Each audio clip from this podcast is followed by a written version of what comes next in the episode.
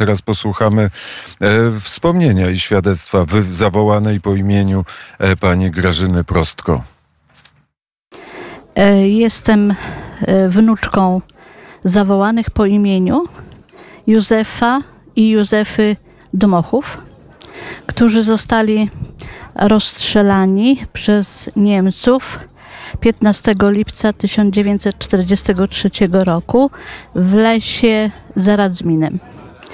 A stało się to z powodu pomocy, y, pomocy dla y, Żydów uciekających częściowo z, po powstaniu z getta warszawskiego i częściowo z pobliskiego miasteczka Stanisławów.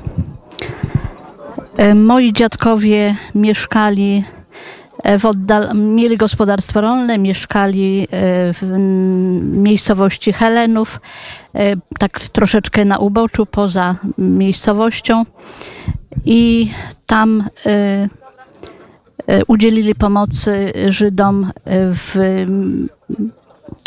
w, w budynku inwentarskim, czyli e, Żydzi przebywali e, na strychu nad krówkami, nad e, inwentarzem. E, Oni przebywali tam około dwóch miesięcy, może trochę więcej.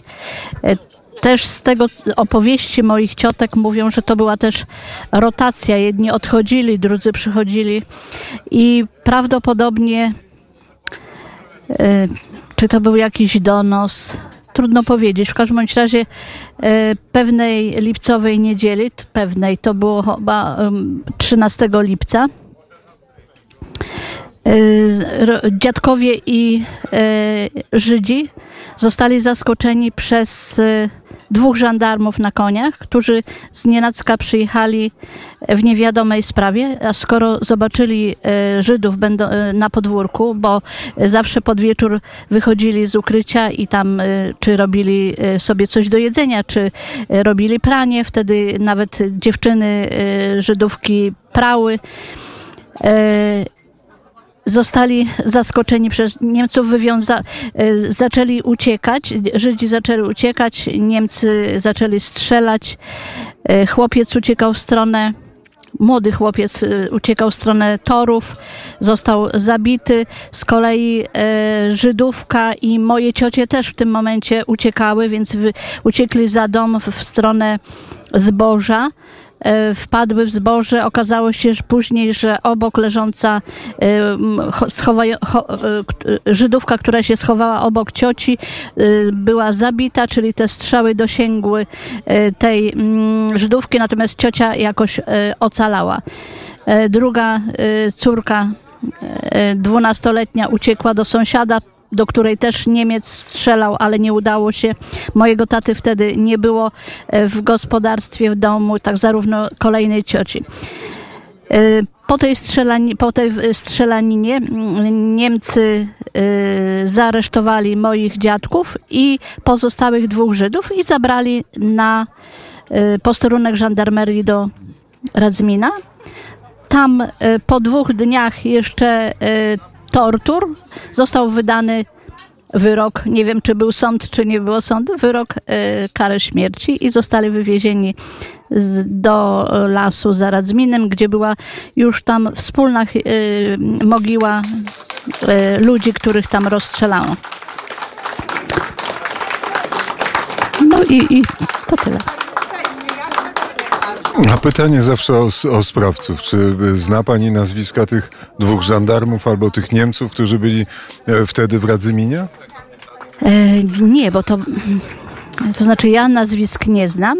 Być może, że e, w jakichś notatkach niemieckich są te nazwiska, ale ja niestety nie dochodziłam tego. Być może, że historycy Instytutu Pileckiego doszli do tej, do tej prawdy. No, my niestety nie. W ogóle bardzo długo rodzina nie wiedziała, gdzie e, dziadkowie zostali straceni, ponieważ no, nie rozchodziły się wtedy te informacje. Została, zostało sześcioro dzieci. Najstarsza, e, 17-letnia e, siostra musiała opiekować się pozostałym rodzeństwem. Em, Poza tym tam jeszcze był najstarszy syn, który brał udział w kampanii wrześniowej, e, wujek Janek, który został po roku czasu również złapany przez Niemców i rozstrzelany przypadkowo przy drodze e, z kolegą wyszedł z lasu, ponieważ się wiadomo, że ukrywał się jako partyzant w lesie i został też rozstrzelany. Także e, w sumie ofiary to były moi dziadkowie i, i wujo a reszta musiała się e, borykać z, z trudnościami codziennymi. I tak jak mówiłam, najstarsza y, córka ma, Marianna wychowała pozostałe dzieci, które były w różnym wieku 11, 9, 13. To były bardzo ciężkie warunki, ponieważ, no wiadomo, y, sama informacja, że, y, że rodzice zostali zastrzeleni, z jakiego powodu? Z powodu y, przechowywania Żydów. I te opinie wśród społeczności lokalnej na ówczes, w ówczesnym czasie i nie tylko, w późniejszym również, w czasie PRL-u również, byli zawstydzani, byli mm, bardzo źle traktowani, byli brzydko nazywani.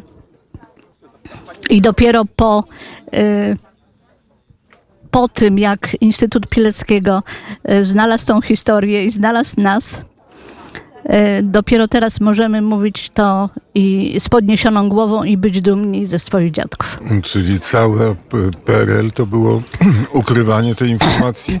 Tak. Nieprzyznawanie się to była wstydliwa informacja? To znaczy, mm, myślę, że tak, ale nie tylko wstydliwa, też traumatyczna.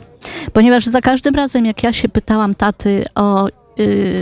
Jak, jak, ta jak ta historia wyglądała, jak przebiegała, zawsze zbywał mnie takimi mm, jakimiś tam e, e, informacjami, a dziecko już nie mam czasu, coś tam powiedział i za chwilę mówi, nie mam czasu już opowiadać, ponieważ tak myślałam i myślę, że to była prawda. Po prostu dzieci przeżywały cały czas traumę. To była dla nich trauma. Poza tym y, w, po wojnie w PRL-u no też y, to było niemile widziane. Zarówno, y, zarówno pomoc dla Żydów, jak i mm, myślę też dla, współ- dla wspólnoty lokalnej Y, też różnie odbierała to, jak ktoś pomagał Żydom. Inicjatywa wywołani po imieniu z Pani punktu widzenia ich rodzin jest czymś absolutnie fantastycznym i otwierającym się na przeszłość, tak jest? Tak, tak. Jest jesteśmy, cała nasza rodzina jest naprawdę bardzo, bardzo zadowolona, bardzo dumna z tego powodu. Y, ta historia odżyła. Nasi dziadkowie odżyli, zostali zawołani po imieniu.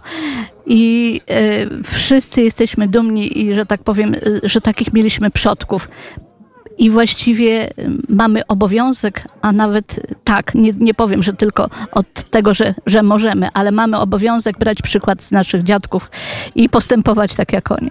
Bardzo serdecznie dziękuję za rozmowę. Dziękuję bardzo.